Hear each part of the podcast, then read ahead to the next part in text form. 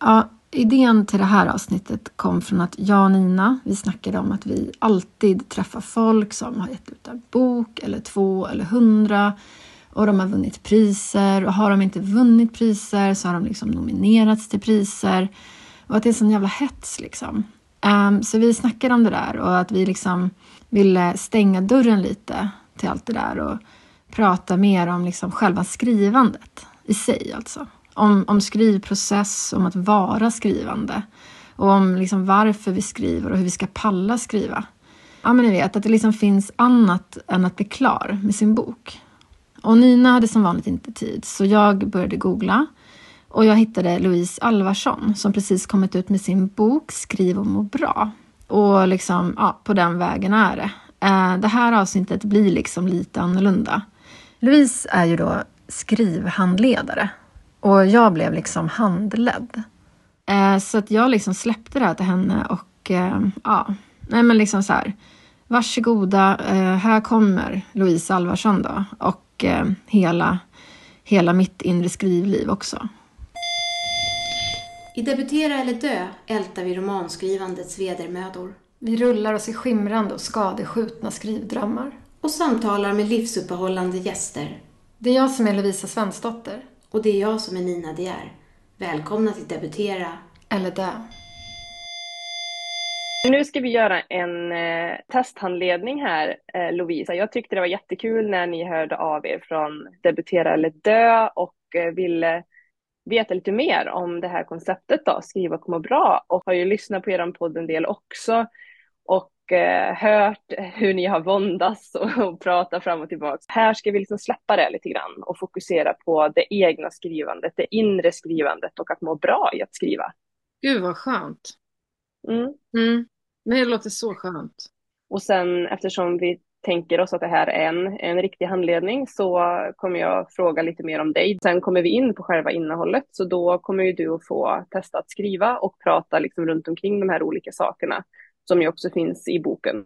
Så um, ja. Det är ju väldigt spännande liksom eh, för mig det här och väldigt eh, lite läskigt också eftersom att jag nu inser att vi är i en podd. Men det ska bli väldigt spännande så kör bara så följer jag så får vi se vad, vad fan vi hamnar liksom. Yes, härligt. Okej, okay. Lovisa, då tänkte jag att du ska få berätta lite vem du är eh, och vad du har för relation till skrivandet och var du befinner dig just nu eh, i ditt skrivande. Mm, Okej. Okay. ja, alltså min relation till skrivande är att jag har skrivit alltså så här aktivt i kanske Ja, men säg att jag började på Stockholms dramatiska högskola på tv-linjen för att skriva tv-seriemanus. Eh, där började jag kanske, alltså jag kommer inte ens ihåg när jag började där, men säg 2011, 2012 någonting. Och eh, då började jag skriva eh, manus egentligen för första gången och det var ju för tv. Um, ehm, och sen så när jag gick ut där så fortsatte jag plugga manus för film och tv och sen var det så svårt att jobba med det. Och jag ville liksom ändå skriva, skriva. Alltså skriva klart någonting och inte bara skriva idéer och utveckla halvfärdiga projekt. Så då kom jag på idén att skriva skönlitterärt och det tror jag var 2018. Och sen dess har jag skrivit på samma bok. Och det är väl fyra år nu. Så, men liksom, ja, men säg de senaste senaste tio åren har jag skrivit. Alltså jag skrev ingenting innan det. Alltså jag bara kom på att det är skriva, skriva för tv och film jag vill göra eller skriva en bok. Och det är för att jag vill underhålla. Um, och uh, jag tycker det finns så mycket, eller underhålla, men jag tycker att det finns alltså, så mycket roliga saker att skriva om. Så att eh, jag vill liksom gestalta roliga saker som jag själv tycker är kul.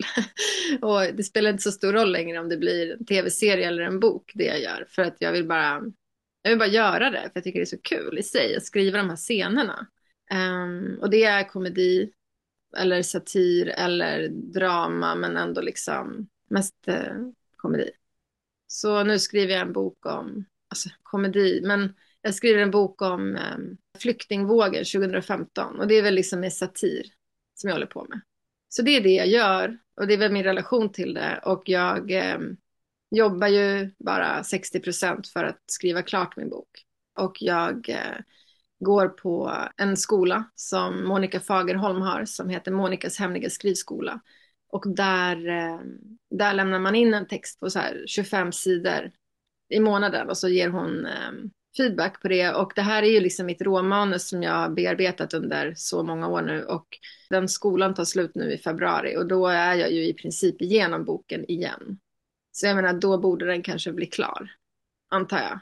Genomskriven i alla fall ännu en gång. Um, och jag tycker att det här är, det har varit några svåra Eh, lägen under de här fyra åren med den här boken. Men jag tycker att det här är ett svårt läge igen för att jag har aldrig skrivit ett slut. Um, och jag vet inte ens hur man gör när man ska skriva ett slut. Och ja, det är otroligt många så här, trådar som ska ihop och um, nu kan inte boken bli längre liksom. Nu måste jag sluta. Det är jättejobbigt och um, ja, så det jag håller på med nu i alla fall att försöka få ihop det, sy ihop det. Det är där jag befinner mig. Mm, wow, vad spännande. Eh, vilken process du är i. Verkligen. Ja. Och det här hör jag ju är fokus på den här boken. Liksom. Det är det som är ditt stora skrivande just nu. Men har du ett skrivande som bara är för dig själv? Nej, jag har varit ganska dålig på att skriva dagbok. Men jag menar, det är ju inte som att så här, alltså det kan ju vara så att allting som jag skriver i den här boken eller i alla manusutkast eller tv-serieförslag jag gjort är ju liksom på ett sätt helt och hållet utifrån mig. Alltså jag menar, jag har ju med mig min mobil överallt och jag antecknar idéer överallt utifrån vad jag ser. Det är ju en form av dagbok också, eh, tänker jag. Att man antecknar i livet hela tiden. Sen vissa av de sakerna hamnar i att i en bok kanske, men andra saker har ju bara varit att man har antecknat någonting i sin mobil. Det kanske inte räknas som dagbok.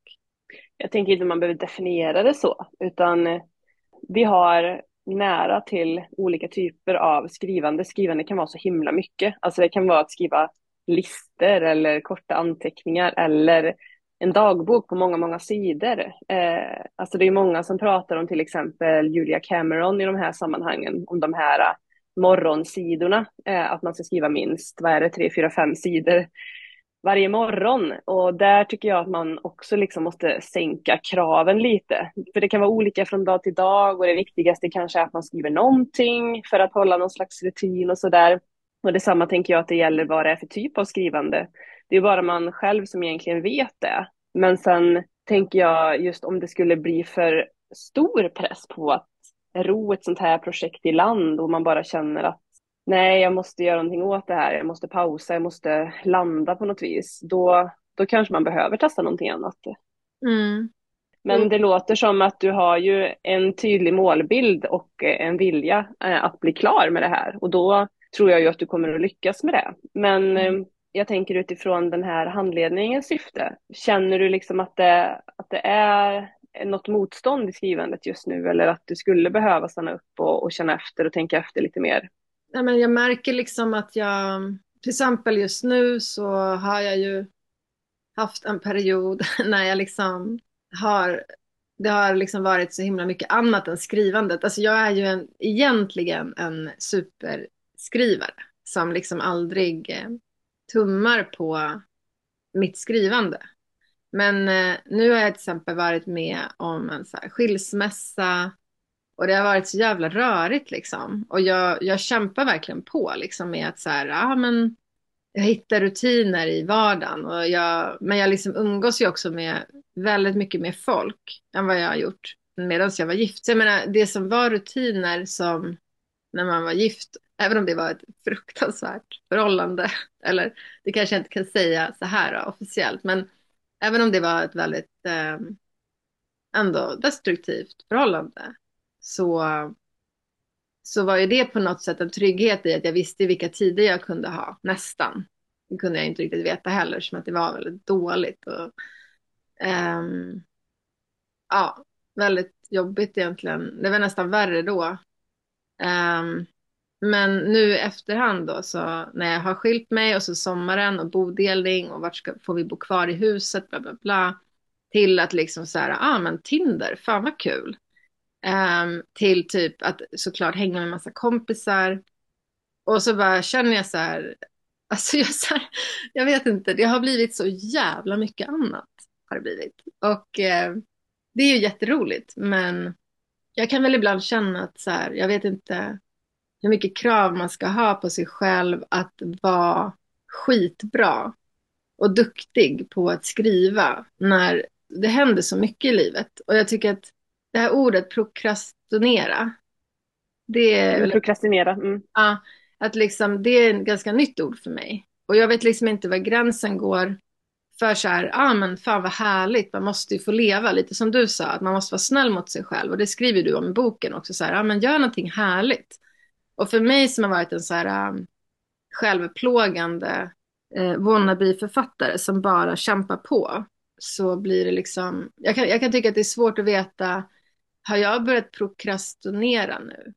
Eller, eller är jag snäll mot mig själv nu? Eller, ja men förstår du, det är liksom, när vet man om man är för snäll? För den du skrev, men gå och ta massage om du känner för det, för då behöver du det. Då tänker jag så här, men alltså herregud, så här kan vi inte hålla på. Det blir ingenting gjort. Mm. Mm. Det är också intressant att man kan må så dåligt av att inte skriva. Att det liksom kan vara mm. så här, um, oavsett om man jagar liksom att debutera eller inte och sådär, att man kan då tänka ibland, nej men jag struntar i att skriva den här boken för det, det kostar jävligt mycket liksom, tid och relationer och så vidare. Eh, men sen så kan man märka i alla fall att så, men jag mår ju skitdåligt om jag inte skriver. Och att jag mm. liksom har upptäckt att det nästan är som att så här, um, även om jag är i ett sammanhang och man liksom är i det, det kan vara ett socialt sammanhang eller någonting som man löser, någonting praktiskt som ska ordnas eller någonting, så, så är det nästan som att det krävs att, man, att jag sen går hem och sätter mig med papper och penna för att ens liksom kunna ta till mig vad jag har varit med om. Och det betyder liksom inte att jag har varit närvarande, eller det betyder inte att jag inte har varit närvarande i stunden. Men för att bli lycklig och må bra så måste jag sen ändå liksom se det utifrån ett skrivande perspektiv eller något slags perspektiv. Som inte bara är nuet utan någon slags reflektion. Alltså, och jag kan nästan uppleva det lite som en förbannelse. Att det hade varit så himla mycket enklare om man slapp det och bara kunde vara lycklig. Mm. Tror du vad jag menar? Ja. ja jag, har, jag har inte hört någon som har kallat det för förbannelse förut. Det, det var ju liksom intressant att höra. Jag, jag, har ju, jag har ju också ett behov av att skriva. Liksom. Jag måste skriva varje dag för att må bra eller för att känna någon slags, menings, någon slags mening med livet. Så här, och, jag, eh, och, och, att få tid till att skriva när man har, har du barn? Mm, jag har tre stycken. Ja, så du vet, liksom när man har barn, jag har bara ett då, eh, så jag kan tänka mig hur det är att ha tre, att få utrymme till att skriva och när man har det liksom, starka behovet av att göra det. Men eh, jag vet inte, det måste ju nästan vara något medfött tänker jag. jag vet inte, är du en sån som har skrivit sedan du var liten eller? Ja, men, alltså jag har väl skrivit typ, eller målat, eller hållit på liksom med film Alltså jag har liksom alltid hållit på med någonting, absolut. Jag har absolut alltid hållit på med någonting. Men det har varit olika. Alltså det var inte som att jag såg mig själv som en skrivande person kanske förrän jag var 30. Mm. Jag vet inte. Mm. Ja, nej, för det handlar nog om att eh, man kanske har haft med sig det sedan eh, man var barn. Eh, att man typ har skapat fantasivärldar eller så på ett eller annat vis. Men jag, har alla, jag, jag skulle nog aldrig välja att se det som en förbannelse, utan jag kan ibland känna sådär att ja, men jag kanske inte mår bra om inte jag har fått skriva på en dag. Tvångstanke kan jag kalla det ibland att jag har. Vad händer om du till exempel inte lyckas skriva på en dag, hur liksom det här då som är din tvångstanke då, att skriva varje dag, um, om du inte får göra det på två, tre dagar, hur mår du då? Ja men det händer inte.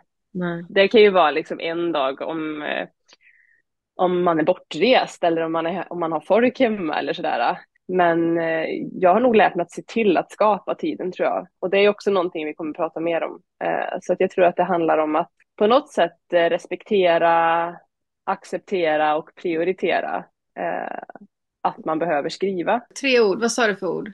Jag sa respektera, acceptera och prioritera. Man ska respektera sitt behov av att skriva. Ja, precis. Och sen typ acceptera om det inte blir så varje dag. Ja. Nej men okej. det där behövde jag bara få säga för att jag tycker att det är jättetungt att um, för att liksom, anledningen till att jag ser det som en förbannelse är ju för att jag mår dåligt. det är inget kul att må dåligt. Nej. Um, men ja. ja.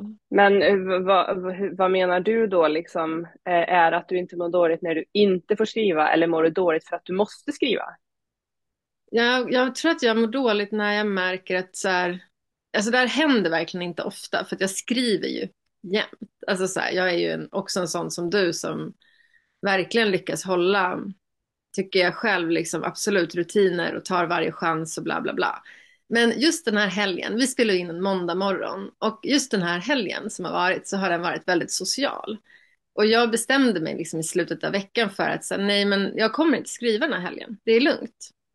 Det är verkligen okej okay. och det ska bli jättekul, massa saker inplanerade med massa olika personer och allting ska bli jättemysigt. Och så kommer söndag kväll och jag känner att jag är ledsen. Och jag känner att jag är liksom, ja, lite tom. För att jag inte hunnit um, få sitta ner och skriva. Och det var så länge sedan jag upplevde eftersom att jag alltid jobbar på liksom, med mitt, mitt skrivande. Um, och då blev det väldigt, um, det var lite så här nytt för mig att uppleva för att det var så länge sedan jag inte tog mitt skrivande på allvar. Samtidigt kan jag känna att en helg kan man väl ändå få slippa. Och det var liksom lite det jag kände med förbannelsen. Att det blir så här, men herregud, jag måste ju ändå kunna umgås med min familj och med mina vänner utan att må skit för att jag inte fått skriva. Alltså det är ju helt absurt. Så därför mm. jag att det blir som en förbannelse. Men det har typ hänt en mm. gång, alltså så här, och det var igår. Så det är väl därför lite stort. Mm. Ja, vad, vad, vad, vad intressant att det hände just nu inför att vi skulle prata idag, tänker jag också. Ja, ja jag kände det igår kväll. Gud vilken tur jag har att jag ska prata med Louise imorgon. Hon ska göra en handledning på mig. Mm. ja. Men är det, eh, är det att, eh, vad är det för typ av skrivande du ägnar dig åt då? Är det ett så här... Det är nog mest bara att få vara i det skönlitterära projektet. Men även ja, men som du skriver i din bok, att när man skriver, även om det är ett skönlitterärt projekt eller om det är något eget upplevt eller någonting, att, att till exempel vara nära sitt skrivande och när man till exempel skriver sin skrivdagbok och skriver vad man har gjort och vad man inte har gjort och vad man borde göra, vad man vill göra, vad man kanske ska göra, att man liksom reflekterar kring sitt skrivande. Och det tycker jag är väldigt så här, väldigt läkande och är väldigt eh, nära sitt innersta någonstans. Att det blir man får kontakt med sig själv i den liksom, delen av det skönlitterära arbetet tycker jag. När man skriver sin skrivdagbok. Vilket jag verkligen gör och har gjort i flera år. Och eh, därför så kommer jag väl lite ur balans när jag inte har gjort det. För det är ju som en dagbok. Det är bara att jag kallar det skrivdagbok. Men det blir ju som en, även om jag inte skriver om någonting som händer egentligen mig privat så skriver jag om min process. Och det är så viktigt för mig. Alltså skrivprocessen mm. är ju det viktigaste. Alltså förutom barnen och allt det här såklart. Men, men ehm, ja, precis, när man kommer ur den processen lite grann, då, då blir jag nog olycklig. Och det var det som hände. Och det är bara, ja, alltså det är inte, det är inte kaos, men jag tycker att det är fascinerande hur, hur olycklig man kan bli. Och jag undrar om, om det är normalt och jag undrar så här, ska det vara så här? Ska man aldrig kunna få ett normalt liv bara för att man råkade bli en inte fan vet jag, en skrivperson? Alltså jag tror att vi, eh, alltså alla är individer och vi har olika behov eh, på olika sätt och en del lider inom situationstecken mer av sina behov än andra, om man nu ska liksom kalla det för att typ lida. Eh, men att man tar sina eh, behov på, på allvar, men att man också accepterar att det varje dag kan inte se likadan ut och det är väl någon mening med det också kanske. Just processen, vi kommer ju komma in mer på det. Men eh, spännande. Eh, tack Lovisa, nu vet jag mycket mer vart du befinner dig just nu. Eh, och jag tänker att vi ska liksom gå in lite mer direkt i handledningen. Så du ska få, nu är du en van skribent som har jobbat med skrivande på olika sätt i många år. Så du har, du har ju dina rutiner och du vet vad som typ funkar för dig. Men det här kan ändå vara ganska intressant eftersom du eh, då har gått igenom en skilsmässa och din tillvaro kanske ser lite annorlunda ut nu mot vad den har gjort tidigare. För det jag tänker att du ska få eh, stanna upp och reflektera lite grann kring. Som jag gör med alla oavsett egentligen. För att eh, det här är alltid någonting man kan behöva liksom fundera eh, kring. Det är det här med ett eget rum. Att Mm. eh, fundera på alltså var trivs jag bäst eh, med att sitta och skriva. Och att man eh, just i det här fallet kan utgå ifrån där man sitter just nu. Eh, hur känns det? Eh, känner jag mig bekväm eller skulle jag vilja flytta på mig? Och, och liksom i relation till det, var trivs du bäst? Är det där du är nu eller skulle du vilja eller behöva åka någon annanstans eller gå och sätta dig någon annanstans? Vill du ha lugn och ro runt omkring dig eller föredrar du miljöer där det är liv och rörelse? Och eh, vad vill du skriva om och har du funderat på det tidigare är också frågor som jag ställer i boken och det vet ju du redan men du kan ändå fundera på det också. Det, det kanske finns annat runt omkring som du kan behöva skriva om för att det ska släppa och lossna för dig i det här större projektet du håller på med också. Eh, och sen att bara känna efter, hur mår jag idag? Vad känner jag för idag? Eh, och, och lite grann att landa i rummet här och nu. Så jag tänker att du ska få göra det en liten stund och eh, skriva lite för dig själv så, så säger jag till så återkopplar vi om en stund. Mm. Mm. Känns det okej? jag tar fram papper och penna här. Perfekt. Mm. Men jag har i alla fall, eh, jag tycker att jag har gjort min läxa här lite nu. Um, Mm. Läxa ska man väl inte kalla det, det här ska ju vara frivilligt och sådär. Men, och det är det ju. Men, men eh, jag tänker på det här, du sa så här, vart jag trivs bäst att skriva och vart jag är just nu. Och just nu så är jag i min säng, i mitt, alltså mitt sovrum. Och här har jag ju liksom inrätt så att jag kan skriva. Um, och det här är liksom det finaste rummet i hela huset. Det här är varför liksom jag ville köpa det här huset. Och det är de här gröna medaljongtapeterna och den gröna heltäckningsmattan.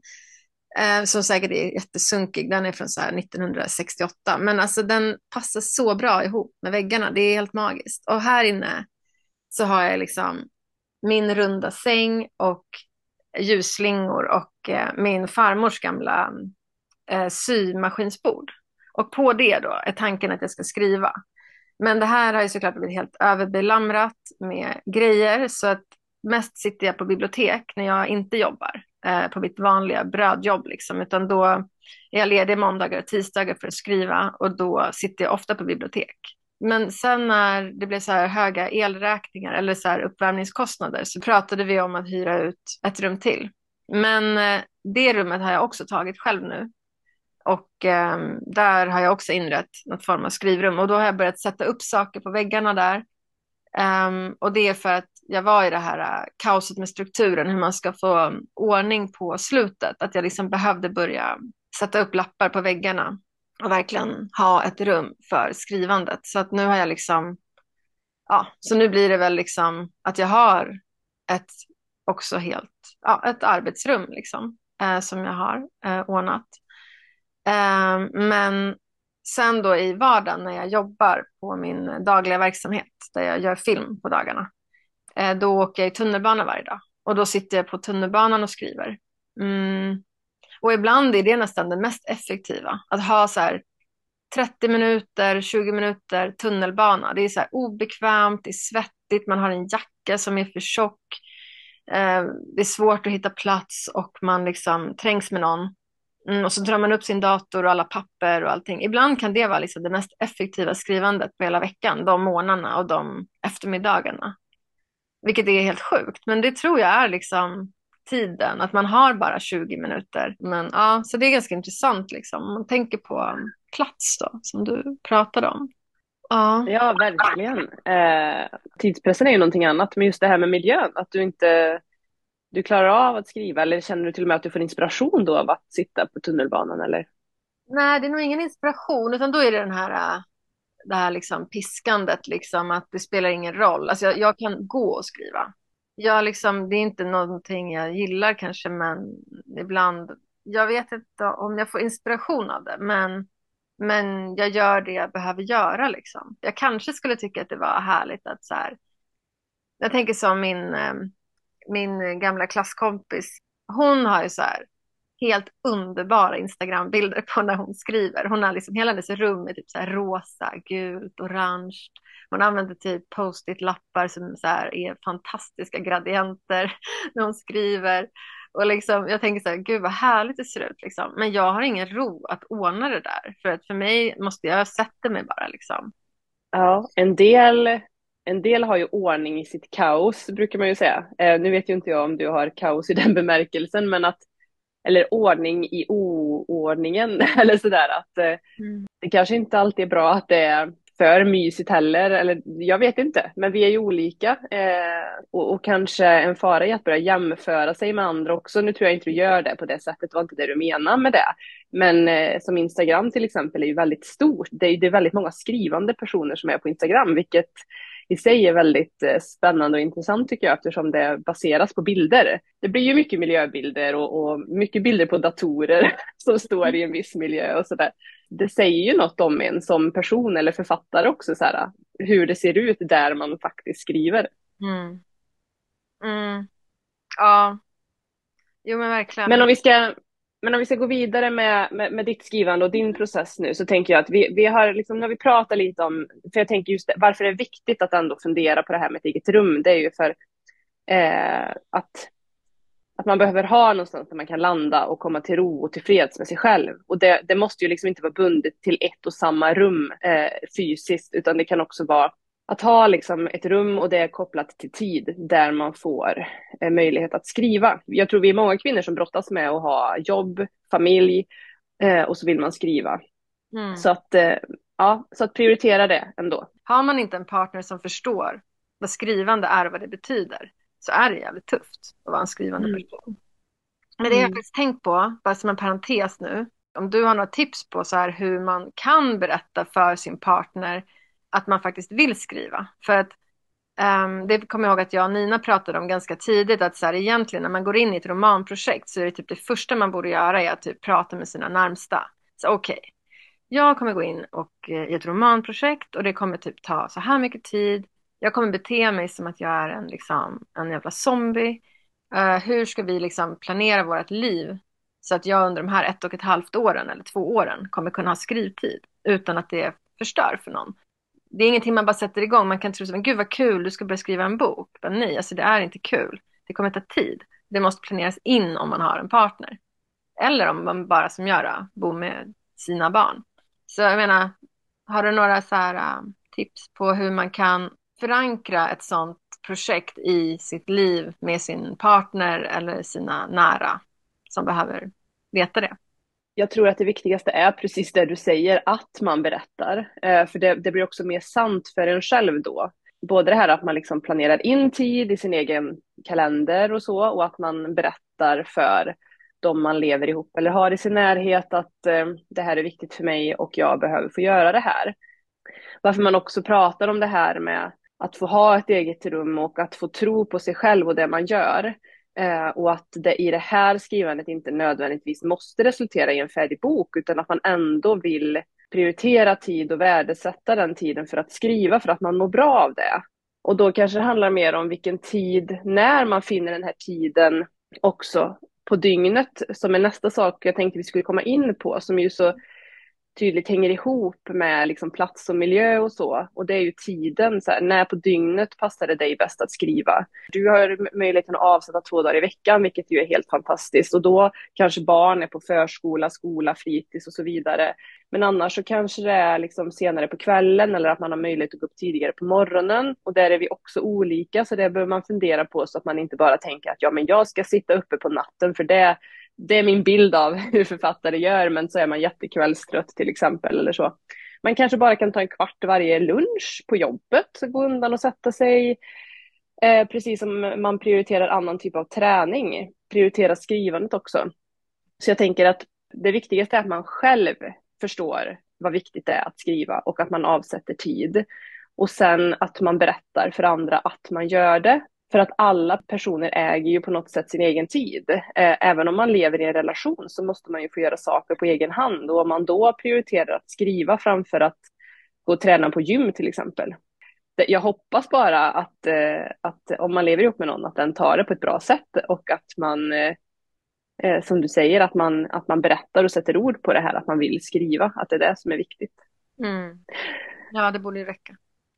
Men eh, hur tänker du då kring det här med tid? Mm. När, när skri... Nu har ju du två dagar i veckan Mm. men, och, och du har de här tunnelbanefärderna. Eh, men, men utöver det sådär, hur... Ja, nej, men jag, jag skriver bäst på morgonen. Um, helst liksom utan att ens ha pratat med någon, alltså bara gå upp och skriva. Men eh, jag har ju en familj eh, så det händer ju inte. Men jag, jag skriver bäst på morgonen när jag har fått så lite intryck som möjligt. Då är jag som fräschast i huvudet och som mest hoppfull och lycklig. Jag är väldigt glad när jag vaknar ofta. Jag tror att liksom, nu, det här, den här dagen, liksom. Ehm, och det är väldigt härligt. Men eh, så, så tidigt som möjligt. Och eh, jag har ju också haft liksom, perioder när jag har gått upp vid fem liksom, och suttit och skrivit. Liksom. Så jag, jag är mer en morgonmänniska, absolut. Mm. Ja, vad härligt det. Ja. Mm. Nej, men, och, och du har ju kommit eh, ganska långt i det här redan. Liksom. Du har ju mycket, du har mycket skrivtid, så det är bara att värdesätta den och fortsätta hålla vid. Jag tänker att vi ska komma in i processen lite grann. Eh, och någonting som jag alltid eh, inleder handledningar, kurser, eh, allt som jag gör med, det är ju flödesskrivning. Och det antar jag är ett känt eh, begrepp för dig ja, men grejen är att jag gillar ju inte flödesskrivning. Jag har jättesvårt. gillar inte? Mm. Aha. Det skulle bli jätteintressant att höra dig berätta om flödesskrivning. Jag får ju typ så här Mm. av det ordet. Okej. ja, Aha. Ja, nej men flödesskrivning det handlar ju om att skriva eh, utan att släppa pennan från pappret eller fingrarna från tangenterna. Men jag brukar rekommendera att skriva för hand. Det handlar om att släppa press och krav och bara skriva på utan att värdera det man skriver. Ingen annan ska läsa det. Och det brukar vara, ska jag säga då, ett väldigt bra sätt för att komma igång, eh, för att släppa om man har vissa, vissa låsningar. Eh, och jag använder mig av det här eh, i alla möjliga situationer. Oavsett vad för typ av text man ska skriva så kan man använda flödesskrivning för att komma igång. Och jag brukar börja med tre minuter, att skriva i tre minuter bara. Eh, som jag tänker att du ska få göra nu. Eh, så får du se hur det känns. Mm. Okej. Och vad exakt Och sen, innebär det? Att jag ska bara... Alltså, jag ska bara skriva i tre minuter. Det är det du säger? ja, du ska få skriva utifrån vad du tänker på precis just nu Mm. i tre minuter. Okej. Så säger jag till. Varsågod och, varsågod och börja skriva.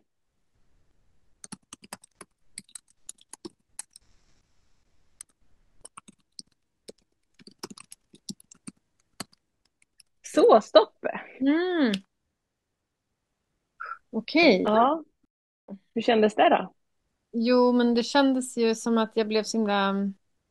Jag fick någon sån grej att jag behövde skriva så sjukt mycket. Så tre minuter så skriva snabbt. Men vartefter så kände jag att det, det kanske inte är så viktigt att man skriver snabbt. Utan det kanske bara är att man skriver lite. Eller? Hur ska man göra? Jag blev ganska trött. Det finns ju inga rätt och fel, utan det är bara att skriva på. Eh, det handlar ju bara om att man inte ska stanna upp och tänka för mycket, utan att bara låta det som kommer komma. Mm. Eh, och om inte man vet vad man ska skriva om så kan man ju bara eh, skriva det. Jag vet inte vad jag ska skriva, jag vet inte vad jag ska skriva och så till slut så släpper ju det. Eller som här, skriv om vad du tänker på just nu, sa jag. Mm. Och då kan man liksom okej just nu tänker jag på att jag ska skriva. Och vad ska jag skriva om? Jo men vad händer om jag skriver om det här? Ja men sådär. Så att, Mm. så att det är liksom spännande att bara se vart skrivandet tar en. Mm. Men sen är det också ganska vanligt att, att inleda med en specifik mening. Till exempel så här, i morse när jag vaknade eller så. Det finns ju också exempel i boken på övningar som man kan ta hjälp av för att komma in i flödesskrivningen. Så det ska ju absolut inte vara eh, en press på, på det här skrivandet. Så Då, då, då blir det liksom fel. Så att Ja. då, Nej men exakt, jag känner nog ingen press på själva skrivandet utan jag känner nog mer bara en press i att så här, varför ska jag sitta och hålla på med det här när jag har liksom ett romanprojekt att styra i hamn. Alltså så här, att jag blir mer så här att man inte um, har råd. Alltså det, det är som att du hör, jag är så himla så här stressad hela tiden. Det låter ju otroligt onjutningsfullt kanske för, med mitt skrivande men det är inte det. Det är, en, det är en njutning att hålla på med det men jag känner också att jag vill prestera i det för att jag mår bra av att komma framåt. Um, och då har jag haft svårt med flödesskrivning för det känns som ett eh, waste av tid. Det är väl bara en dålig, en, en stress liksom. Um, och att inte heller liksom kunna unna sig att lägga tre minuter på att bara få skriva för att må bra. Alltså vad fan, det är tre minuter, man kan ju testa liksom. Det var ganska mysigt. Um, Men eh, alltså så här, antingen så kan du använda flödesskrivning för att skriva om det du skriver om. Eh, om det är så här att, ja men hur, hur ska det här sluta? Vart ska det landa någonstans? Och då liksom med hjälp av flödesskrivning så kanske du liksom kan komma fram till någon insikt i det. Så att du ändå känner att du använder det här skrivandet eh, med koppling till ditt andra skrivande. Mm. Eller eh, så kan det också vara så här att om du börjar flödesskriva om eh, en rolig händelse och så känner du liksom att ja, men den skulle passa perfekt i, i mitt skrivprojekt. Eh, och så bara lyfter du in det och gör om det lite. Så, mm. så att eh, jag tänker att det är inte alls slöseri med tid, utan eh, det, det, kan komma något som du alls inte är förberedd på. Och det är det som är så spännande med flödesskrivning. Så att ha, försöka ha den inställningen att mm. vad kan det komma ut av det här? Okej, okay. ja, men jag ska, jag, ska, jag ska göra det. Du har rätt, jag ska absolut testa det. Det är helt idiotiskt att inte göra. Um... Alltså, jag tänker så här när du berättar om att du vaknar på morgonen och, och har en så positiv inställning till dagen. Vore det inte fantastiskt då liksom bara ta tag i pennan det första du gör och, och skriva i, flödesskriva i tre minuter så här. Alltså det låter helt fantastiskt tycker jag. ja, men okej, men jag ska i alla fall försöka. Jag ska göra som du säger. Jag ska testa att flödesskriva tre minuter varje morgon. Det har ingenting med romanprojektet att göra.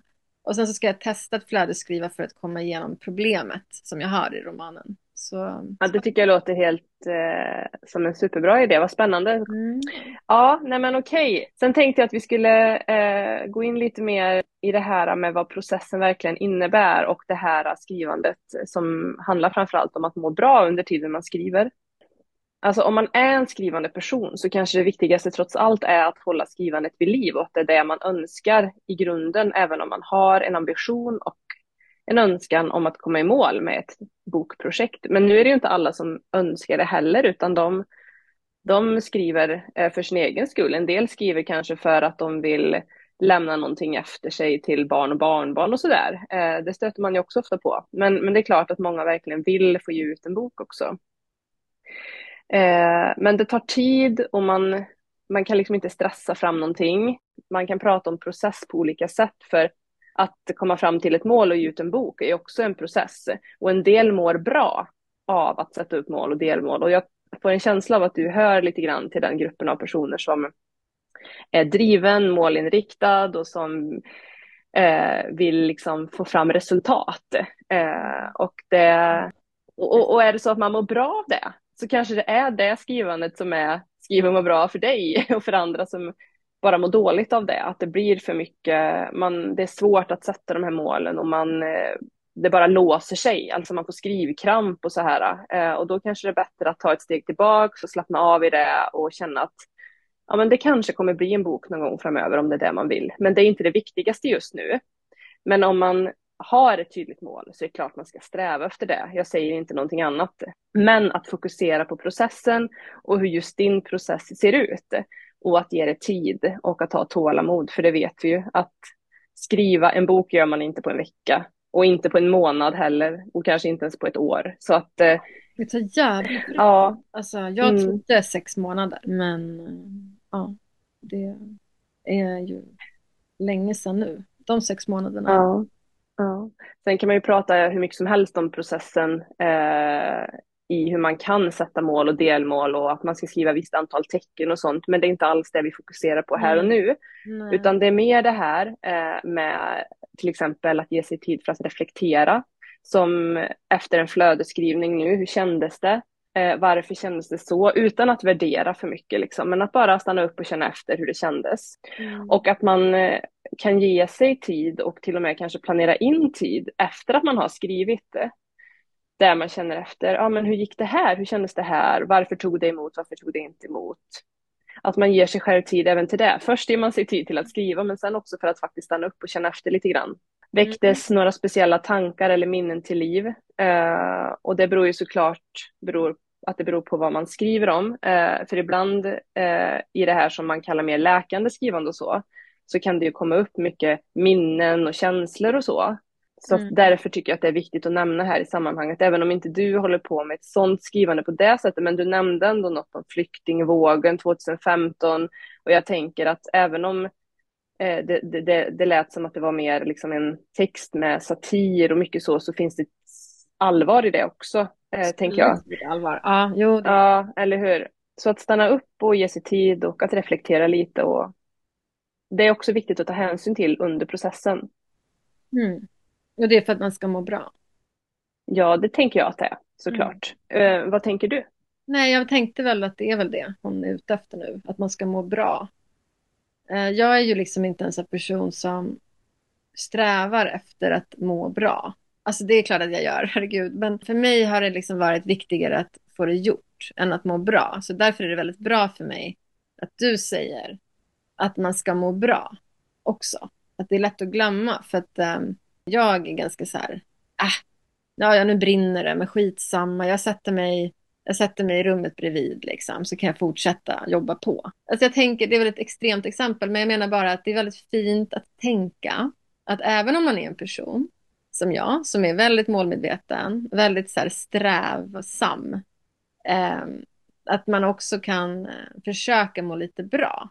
Eh, att livet kan få vara lite härligt, även om man har satt upp ett mål för sig själv, som man är ganska duktig på att hålla.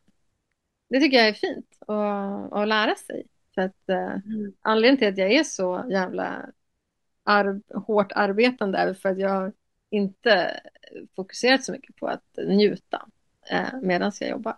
Men, men man kanske kan göra både och. Ja, det, det tänker jag absolut att du kan, för jag tror att eh, ja, men du låter som en person som ändå tycker om att jobba eh, och då kan det vara en del av njutningen på ett sätt. När jag säger att det i princip skulle kunna brinna i ett rum och jag sätter mig och skriver i det andra rummet så är det ju inte för att jag vill eh, må dåligt utan det är för att jag tycker det är så kul att skriva. Så det är ju en njutning. Det är bara att jag skiter i att släcka den där elden då för att jag hellre skriver. Så det är ju egentligen bara njutning. Alltså, Mm. jag skulle inte göra det. Det är ett jätteextremt exempel. Men, så jag menar, jag tycker om att skriva så pass mycket att jag skiter i väldigt mycket annat. Som, ja, skitsamma. Men ja, i alla fall. Mm. Ja, nej men precis. Så att eh, det viktigaste är ju att man tar hand om sig och man kan behöva bli påmind om det. Och i boken till exempel så finns det ju på en del sidor bara typ budskap eller som citat eller vad man ska säga.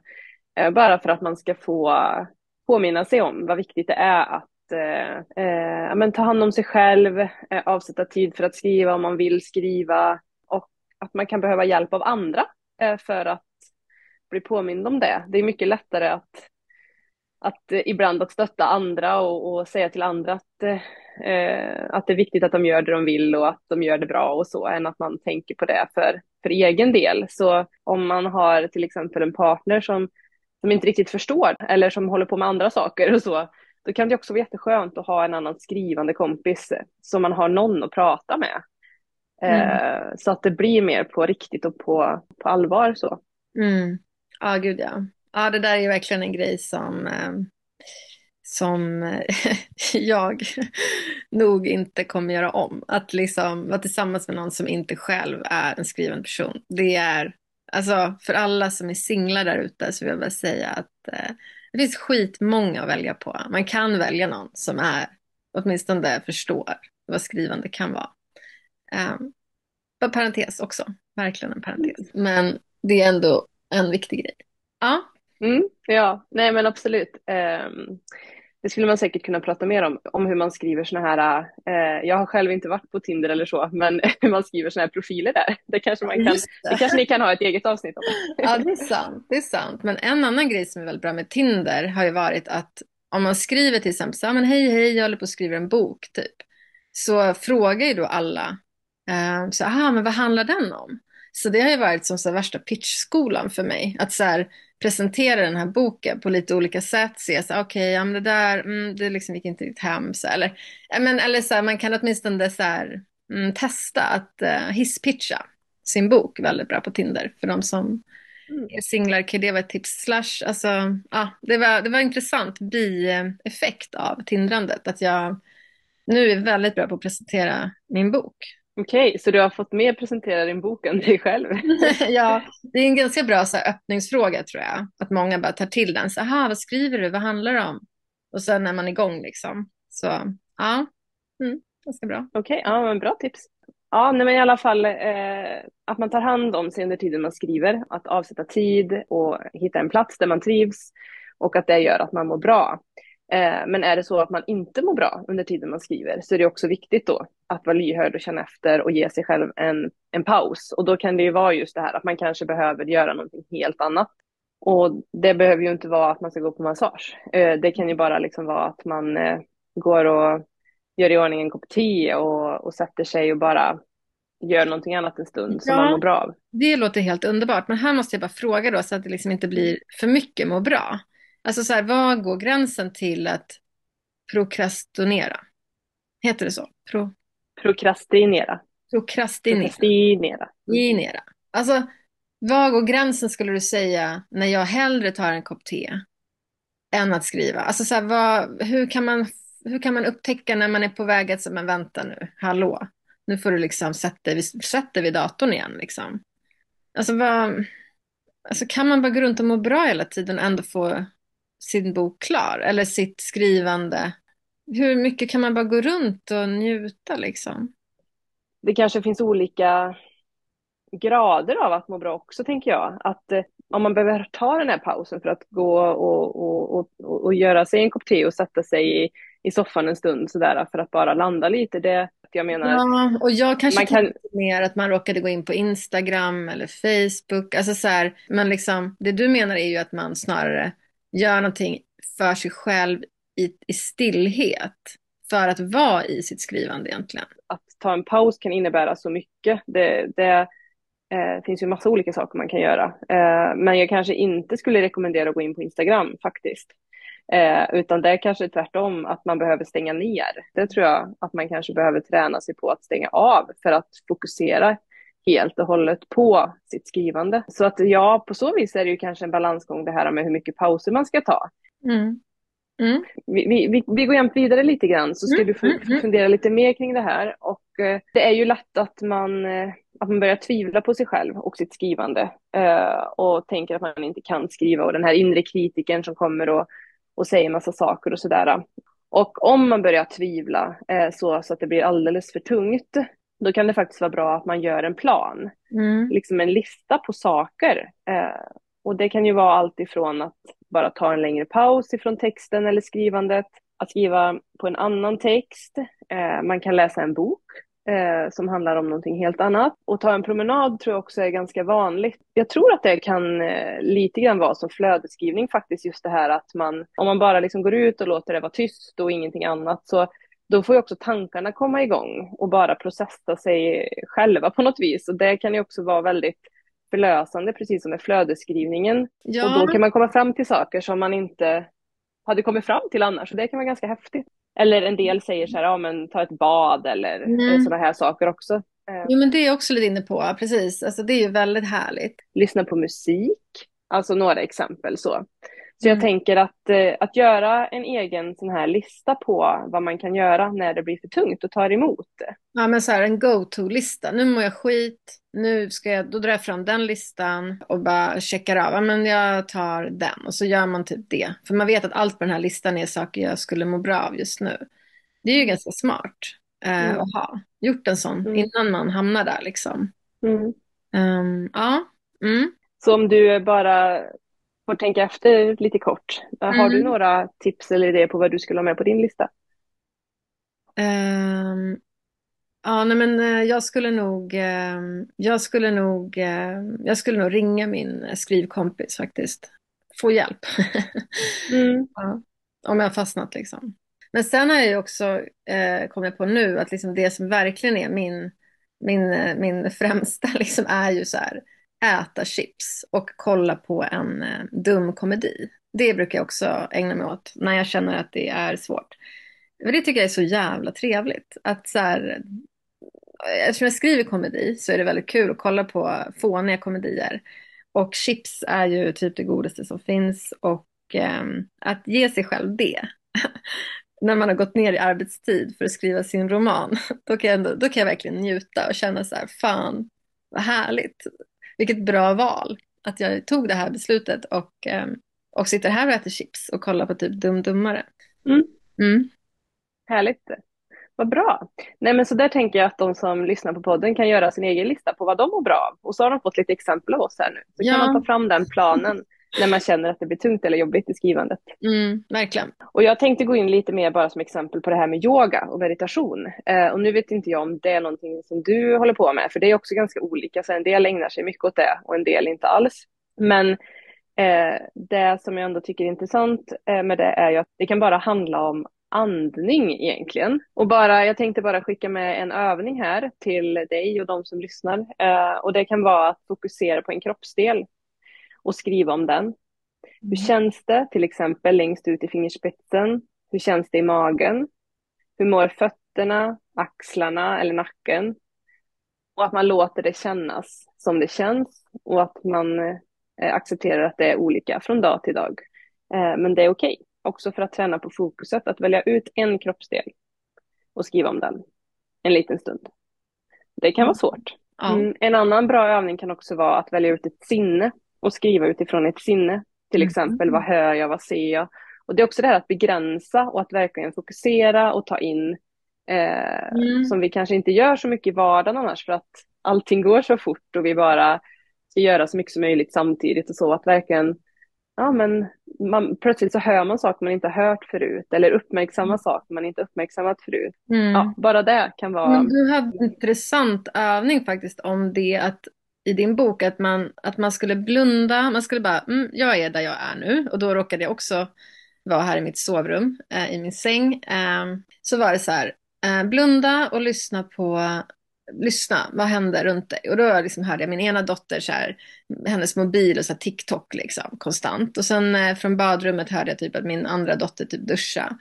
Och sen så stod det så här, och så öppna ögonen och sen så så här, vad ser du liksom? Och då typ eh, såg jag mina ben och så såg jag mina så här, pyjamasbyxor. Så vi har köpt då, samma dag, vi har köpt så här, matchande pyjamasbyxor.